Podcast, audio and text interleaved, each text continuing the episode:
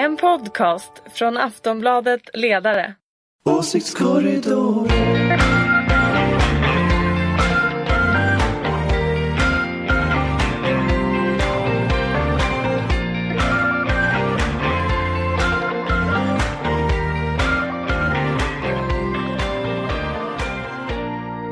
Hej och välkomna till Åsiktskorridoren, en podcast från Aftonbladets ledarredaktion. Jag heter inte Hanna Olsson, hon är någon annanstans så att jag får vikariera idag och jag heter Daniel Svedin.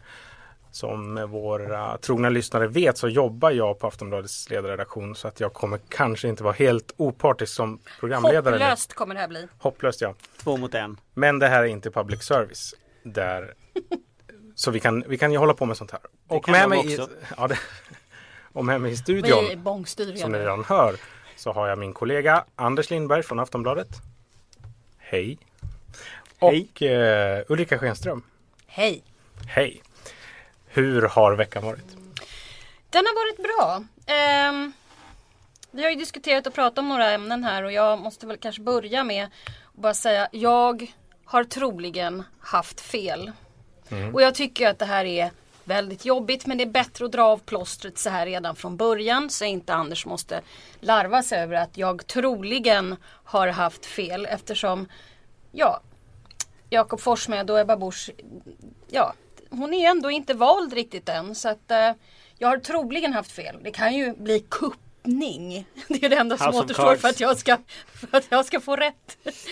Eh, Vi ska ja. recappa lite då kanske att vi har ju varit väldigt, väldigt övertygade om att Jakob Forssmed och särskilt du Ulrika har varit är den Du personen. faktiskt. fånigt övertygad. är den personen som kommer att efterträda eh, Göran Hägglund.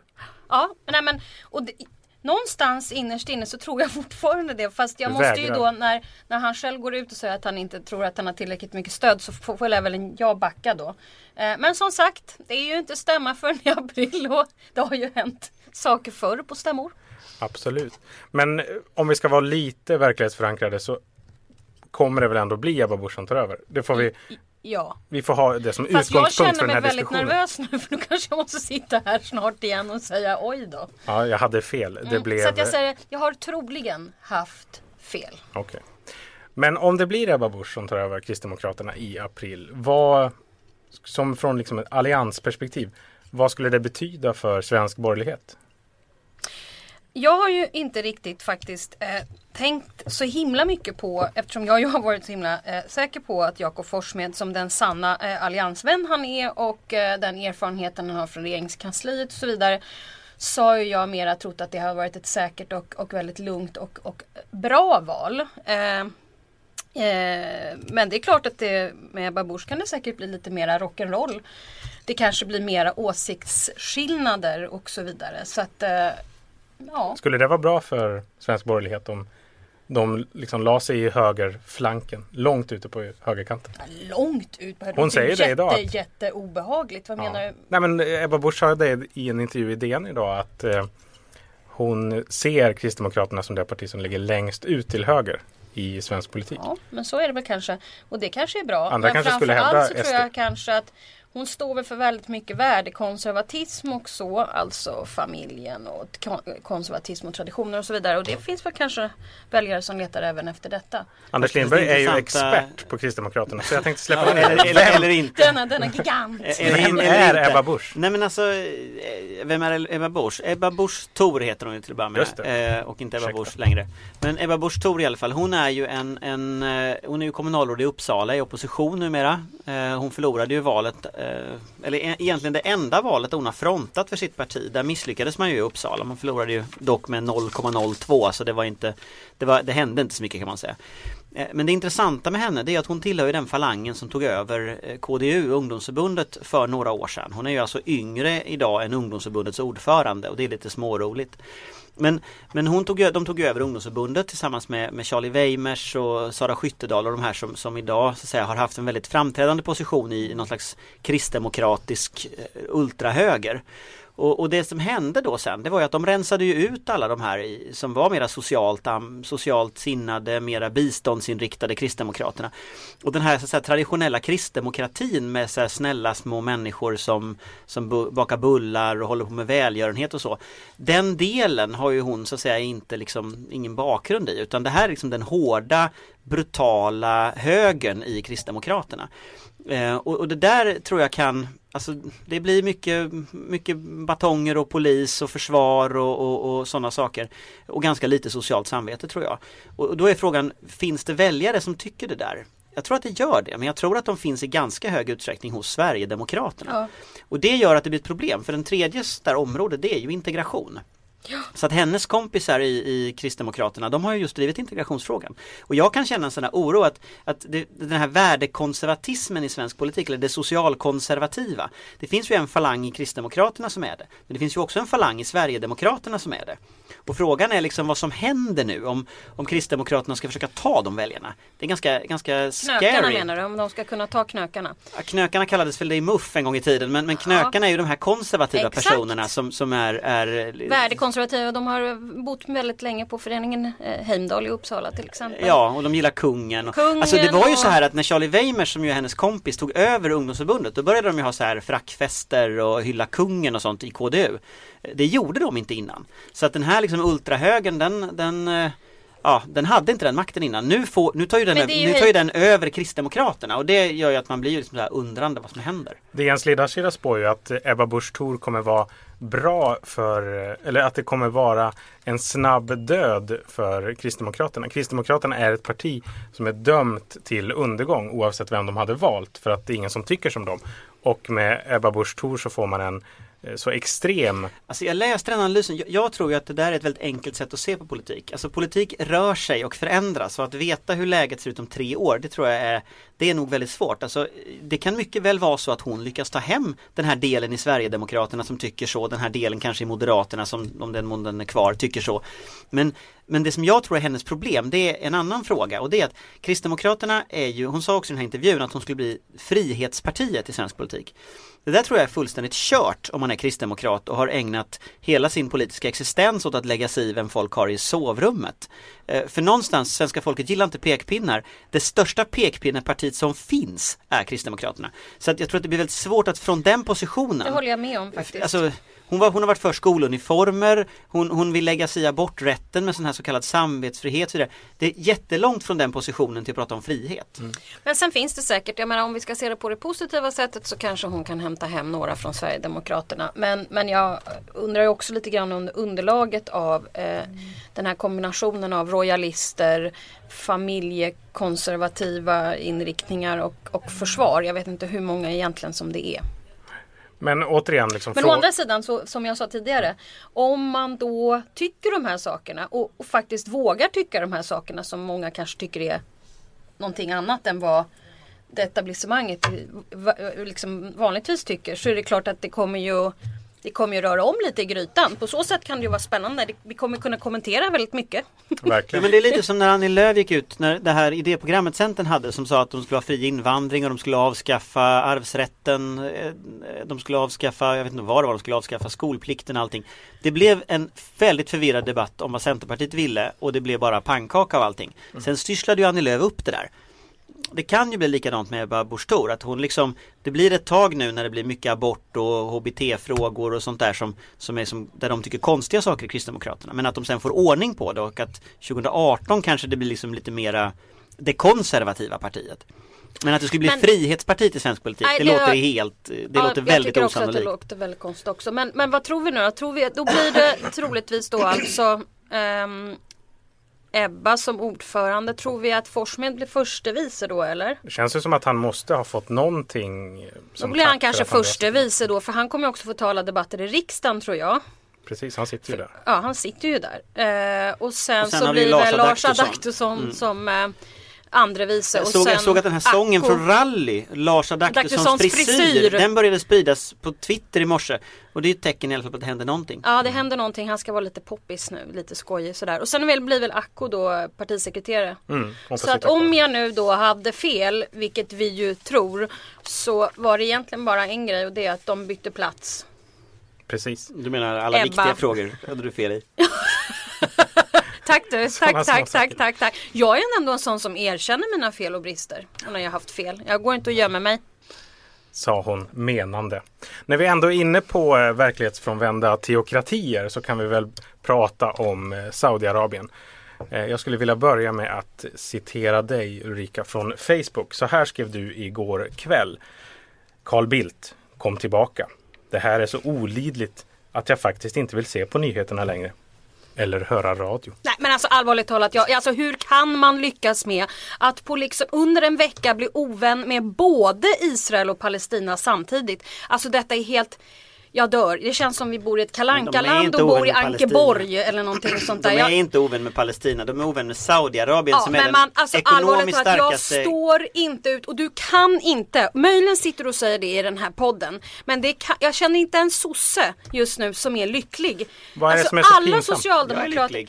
Berätta, Nej, vad du är det kan som är inte så vara Jag pinsamt? är lycklig. Därför att jag tycker att det är helt osannolikt att vi liksom blir ovänner med de här två. Och du kan sitta och säga att vi inte är ovänner. Det är klart vi Ja, är det är ovänner så klart vi skulle är de ovänner inte med Saudiarabien, det är jättesynd. Jag Ja men vi är gråter mig till också sömns. ovänner med Israel och Palestina och jag tänker Nja, inte säga det nja, en gång till för att jag vet att det är så. Ja, men det och jag tycker det. att det här är lite kalanka och jag tycker Carl Bildt kunde komma tillbaka så vi slipper den här Fast, pinsamheterna. fast det, Punkt. snar, jag, skulle säga, jag skulle vända på det och säga så här, det, är- det är ju så att nu har ju faktiskt Margot Wallström enat Israel och Saudiarabien Hon har ju verkligen gjort den här Sverige. situationen och det är ganska soppan bra ändå. väldigt Alltså det, mycket ja, men det är bättre. faktiskt så att Israel och Saudiarabien är faktiskt inte enade om någonting Nej, utom detta. Jag det brukar positivt. aldrig hetsa upp mig med utrikespolitik men nu håller jag på och dör.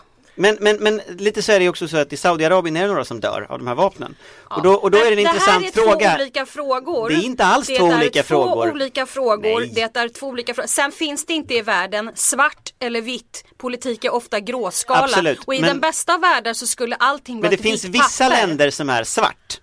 Och de länder, om vi tar till exempel Nordkorea, Iran, Saudiarabien, Zimbabwe. Absolut, men så är det ju länder avtalet, Sverige men inte hur ska kan man exportera lyckas vapen med att till. bli ovän med både Israel och Palestina och inte tänka på det och inte Men, fatta men, men om vi konsekvenserna? ska hålla oss till verkligheten så är det ju så att Sverige är inte ovän med Försök Palestina. inte Hur många säga- gånger du än I försöker vilken säga det. verklighet då? Anders Lindbergs Nej, men- värld, men- där det är upp och ner I den, diplomatiska, världen. I den diplomatiska världen så är det inte så. Men om vi bortser från den argumentationslinjen och sen tar sakfrågan, nämligen ska Sverige kunna tala mot Saudiarabien även om man blir bestraffad diplomatiskt ekonomiskt för det? Och då tycker jag sanningen är väldigt enkel. Ja, Sverige ska kunna kritisera Saudiarabien. Imorgon som är fredag så ska den här bloggaren Raif Badawi som är dömd för att ha startat en liberal hemsida piskas igen offentligt i Riyadh i Saudiarabien. Man korsfäster människor i Saudiarabien fortfarande. Man, man eh, har redan, fortfarande i år eh, så har man eh, halshuggit ett antal människor offentligt. Den, den grundläggande frågan som borgerligheten har, har ett problem med här det är Ska man verkligen ge Saudiarabien veto över svensk utrikespolitik? Nej, men- Ska det vara så att eh, Margot Wallström i riksdagen inte kan säga att det är en diktatur därför att de kallar hem sin ambassadör? Då tycker jag, ja, åk, hej då!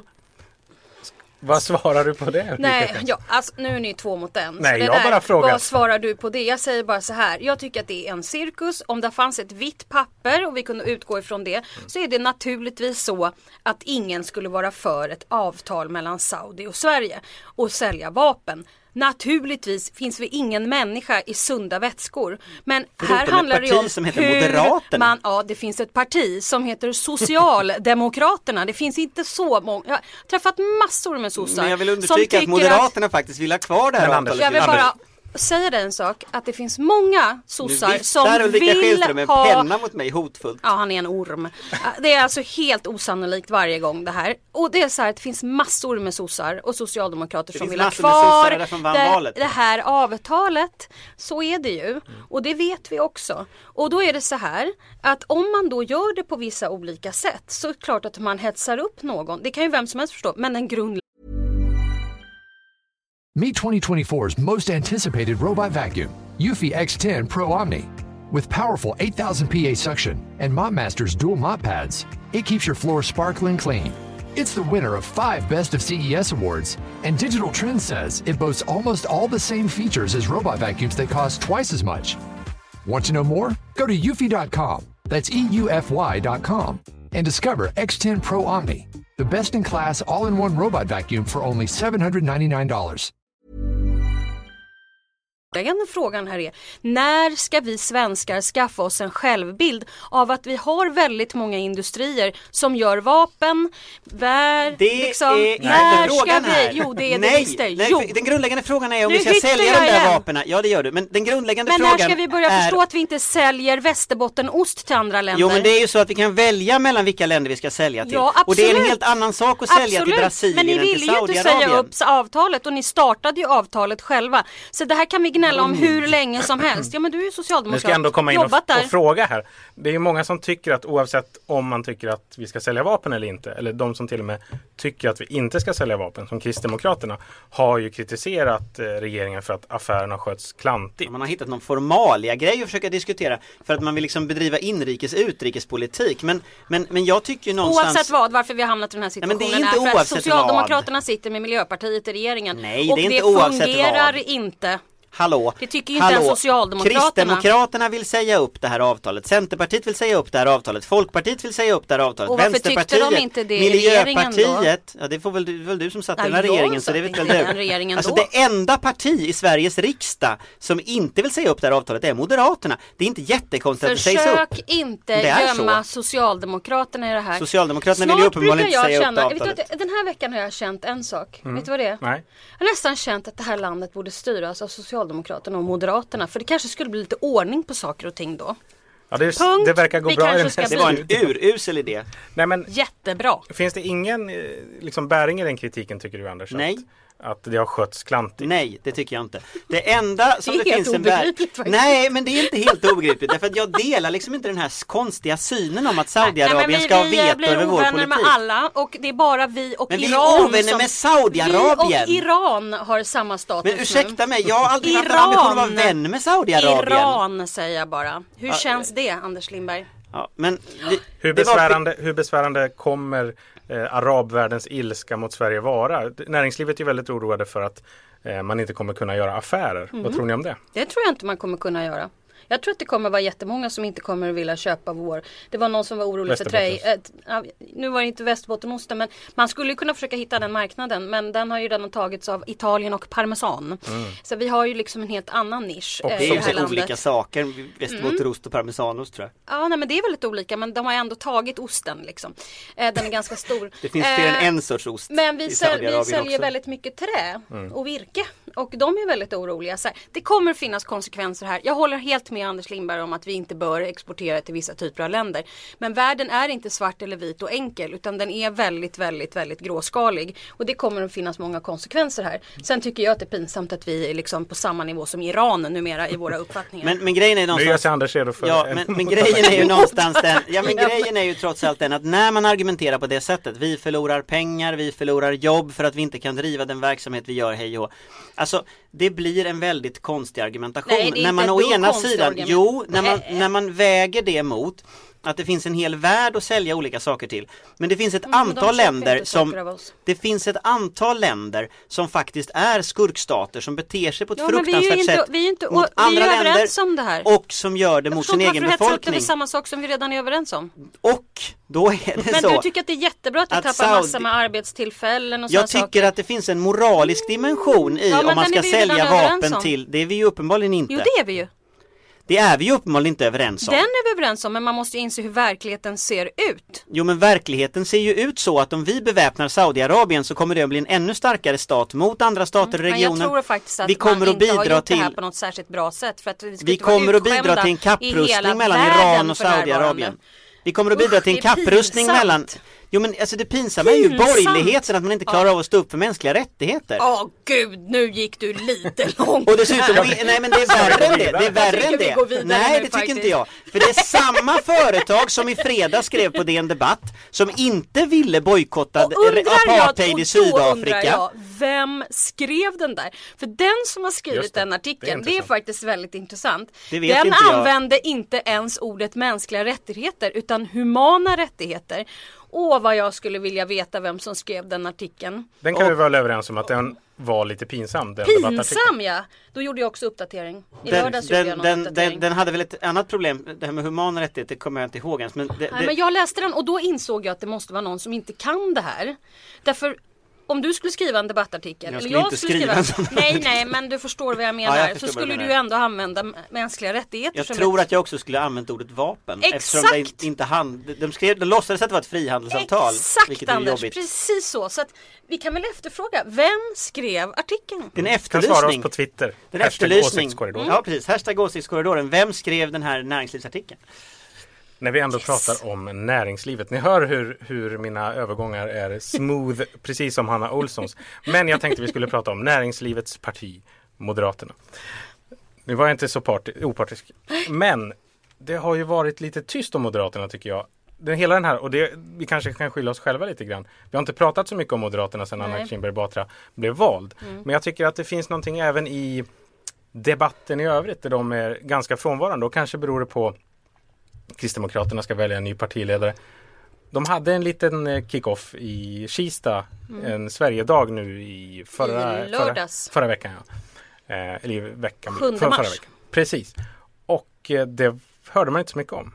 Vad, vad gör Sveriges näst största parti? Jag tror att de har vänt sig inåt med arbetsgrupper och funderar på framtiden och eh, det som eh, ni alla retar mig för att försöka hitta svaren på samhällsproblemen. Aha. Det tror jag att de gör. Hur går det tror du? Jag tror att det går ganska bra. Jag tycker att det är ganska lugnt. På de möten jag går på så tycker jag att det är ganska det var väldigt upphetsat hela hösten och sådär och det var fram och tillbaka. Jag tror man har vänt sig inåt för att liksom leta ut och ta reda på vad kursen kommer att vara framåt. Var du ute i Kista? Nej, jag var inte det.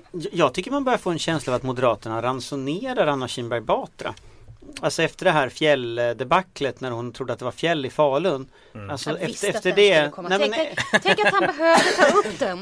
nej men efter det att hon trodde att det var fjäll i Falun. Det gick inte så bra eftersom hon sa att Stockholm är smartare än lantisar så tror jag att en Vi annan människa runt om i det landet tycker det är roligt. Nej men alltså jag tror att en och annan människa tycker det är roligt och då, då får jag en känsla av att Moderaterna plötsligt har fått lite så här Alltså det, det, det kan man ju få lite ibland inom partierna, så här lite dåligt självförtroende. Man känner att shit, det här bär kanske inte riktigt. Och så, och så tänker man att om vi gör det här imorgon istället för att göra det idag så kanske vi hinner tänka lite till. Och så slutar det med att man inte gör det alls och så slutar det med att tiden bara går och så tar någon annan vi uppmärksamheten Sen ska vi väl komma ihåg också att det är en annan generation som har tagit över eller att minska, åtminstone väldigt många nya som har kommit till på alla Som inte olika kan så typer. mycket. Och så, det var inte det jag sa men det tar ju en stund innan man kanske vet hur man ska navigera. Ja, fast jag undrar, alltså jag undrar också om det inte finns en strategi i detta. För att för jag, jag kan känna när man pratar med moderater, förutom dig naturligtvis då, eh, så kan jag känna att det finns ett, liksom ett mått av dåligt självförtroende i liksom kommunikationen. Att, att den, den tidigare moderatledningen var så oerhört så här, styv i korken. Man hade liksom ett tydligt budskap, man visste vad man skulle säga, man körde liksom i invanda hjulspår. Nu så känns det lite som att man, man är också på riktigt sökande, man vet inte riktigt och då, då vågar heller inte partiordföranden kanske ta ut svängarna i rädsla för att liksom det kanske trampar fel åt olika Sen håll. är va? det ju så att det har ju funnits liksom någon slags intern kritik för den alla partier har ju olika typer av kulturer och Moderaterna är ju och alltid varit ett väldigt toppstyrt parti. Den som leder partiet får ofta göra precis som den vill så länge det går bra. Går det inte bra så åker man ut liksom. Eh, och eh, den toppstyrningen eh, i regeringsställning var väl kanske det som vi kanske har sett mest i partiets historia.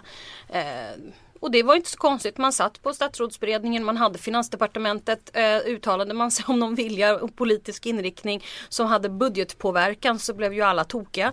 Det, det, och det där är ju liksom det är det som händer. Så att jag tror att man letar just nu efter Folk måste få säga att jag tyckte det var lite för toppstyrt. Man måste få säga det och det känns ganska skönt. Det lovade Jag väl hörde Thomas ju Tobé faktiskt- att eh, nu skulle det bli mindre toppstyrt i Ja, Moderaterna. Vi måste lyssna men in. Moderaterna är ju rent kulturmässigt eh, mycket, mycket toppstyrt. Eh, och det kommer det nog fortsätta att vara. Men jag tror att det är bra att ha en partikultur där man får säga att jag tycker att det är lite för mycket Pyongyang just nu eller Nordkorea Fast, på något fast, sätt. fast jag undrar, alltså det, det är ju en sak att vara en nordkoreansk danstropp som parti. Det är ju en annan sak att vara någon slags loppcirkus liksom som hoppar åt alla håll. Och, och det Moderaterna Absolut. gör nu, alltså jag, jag kan ändå känna att, att visst, man är inte loppcirkus än, men, men fortsätter man ner den här vägen att partiledningen är helt tyst då är det ju liksom traditionellt så att eh, vakuum fylls ut av någonting. Men, så men frågan det är stora liksom vad, testet, det stora vad som testet händer blir ju då. partistämman i höst. Det är ju det stora som kommer att hända. Och då får man ju se ifall det kommer några stora reformer. Om man har stakat ut någon väg framåt. Och hur alliansen mår tillsammans och sådär. Och det ska bli oerhört sa- intressant. För de här arbetsgrupperna ska ju ligga till grund för det som ska pratas om på stämman. Det intressanta där med de stora reformerna som eventuellt kommer är väl också jag tänker nu kommer ju vårbudgeten snart från Mm. regeringen och det kommer komma svar på det. Eh, Idag sa Moderaterna att man vill göra en satsning på försvaret. Mm. Men samtidigt vill man ju inte höja skatterna och man vill inte röra överskottsmålet. vet. Bli väldigt hur man ska eh, rent Ja. praktiskt Vi får väl se vad de svarar det i våpen. Men jag tror att eh, vårpropositionen alltså. Ja, förlåt. Eh, nej, men man gör väl ett eh, arbetsbud. Men jag tror det måste till någon integration där också. Det måste till någonting på skola, vård och omsorg. Jäm- alltså välfärdsfrågorna också. Så att ehm, Men pengafrågan är väl liten huvudvärk? Ja, nej, men den har vi ju diskuterat. Jag tror vi Absolut. diskuterade den förra veckan Mm. eller om det var förra, förra veckan. Och det är ju jättesvårt att se hur, hur man ska hitta. Men det får vi se. Men om sen är, man- också, sen är det också en annan fråga tycker jag som är intressant. Det är att Moderaterna under regeringsperioden var ju ett parti för alla frågor. Medan då förlåt, de små partierna blev ju, alltså KD blev ju ett socialparti. Mm. Eh, FP blev ett, ett, ett, ett, Skolparti. ett skolparti och så vidare. Alltså frågan är nu om, om den strategin verkligen funkar i opposition. Att liksom vara någonting för alla. Alltså risken är ju att de där små borgerliga irriterande partierna som far runt tar de viktiga frågorna och så sitter Moderaterna och ska vara liksom Men för att vara alla, relevant i alla fall så måste du ju ha svar på, du måste ju kunna hålla ihop en budget väl, du måste kunna ha svar på skolfrågor och välfärdsfrågorna och du måste kunna ha ett väl utbyggda reformidéer för vad man, hur man får eh, öka arbetsutbudet. Jo och, fast eh, frågan är ju om, om det är så att, liksom, att rösta på de tre borgerliga För det här råkade ju Stefan Löfven ut för i, i valet den här gången att liksom Du röstade på Fi för att få en liten rosa Stefan Löfven Du röstade på MP för att få en grönare Stefan Löfven. Alltså frågan är, och vad blev kvar av S blev ju ganska lite till slut.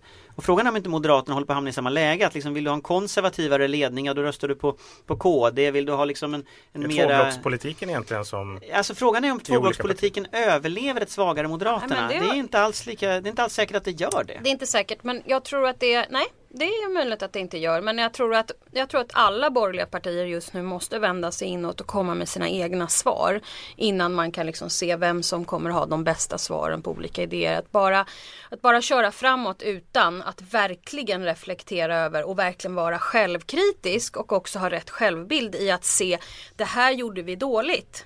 Det här gjorde vi bra. Men då måste man ju göra det. Och en av de bitarna är faktiskt toppstyrningen i kulturen.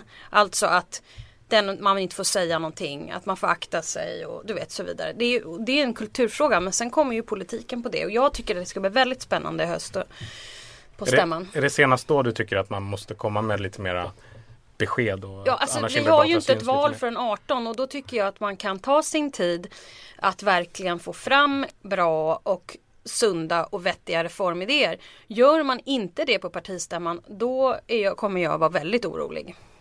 Om det inte hade blivit någon decemberöverenskommelse så skulle det snart vara val. Känns det bra? Att det inte blev det? Alltså jag är ju väldigt, jag är ju väldigt kluven i frågan eftersom jag älskar valrörelser.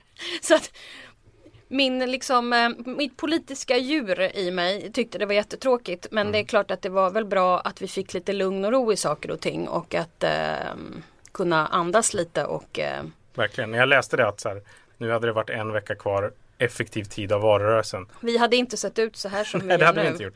Det hade inte varit, vi hade varit gråhåriga och skalliga. Ja, exakt. Eh, och med den bilden tror jag att vi lämnar lyssnarna. Eh, oss som Av grå... att du är gråhårig och skallig. Precis. Ni kan surfa in på www.aftonbladet.se och titta hur jag ser ut och så föreställer ni mig som grå och eh, gråhårig och skallig. Tack för den här veckan. Photoshop. Och trevlig helg! Ja, trevlig helg. Tack. Åsiktskorridoren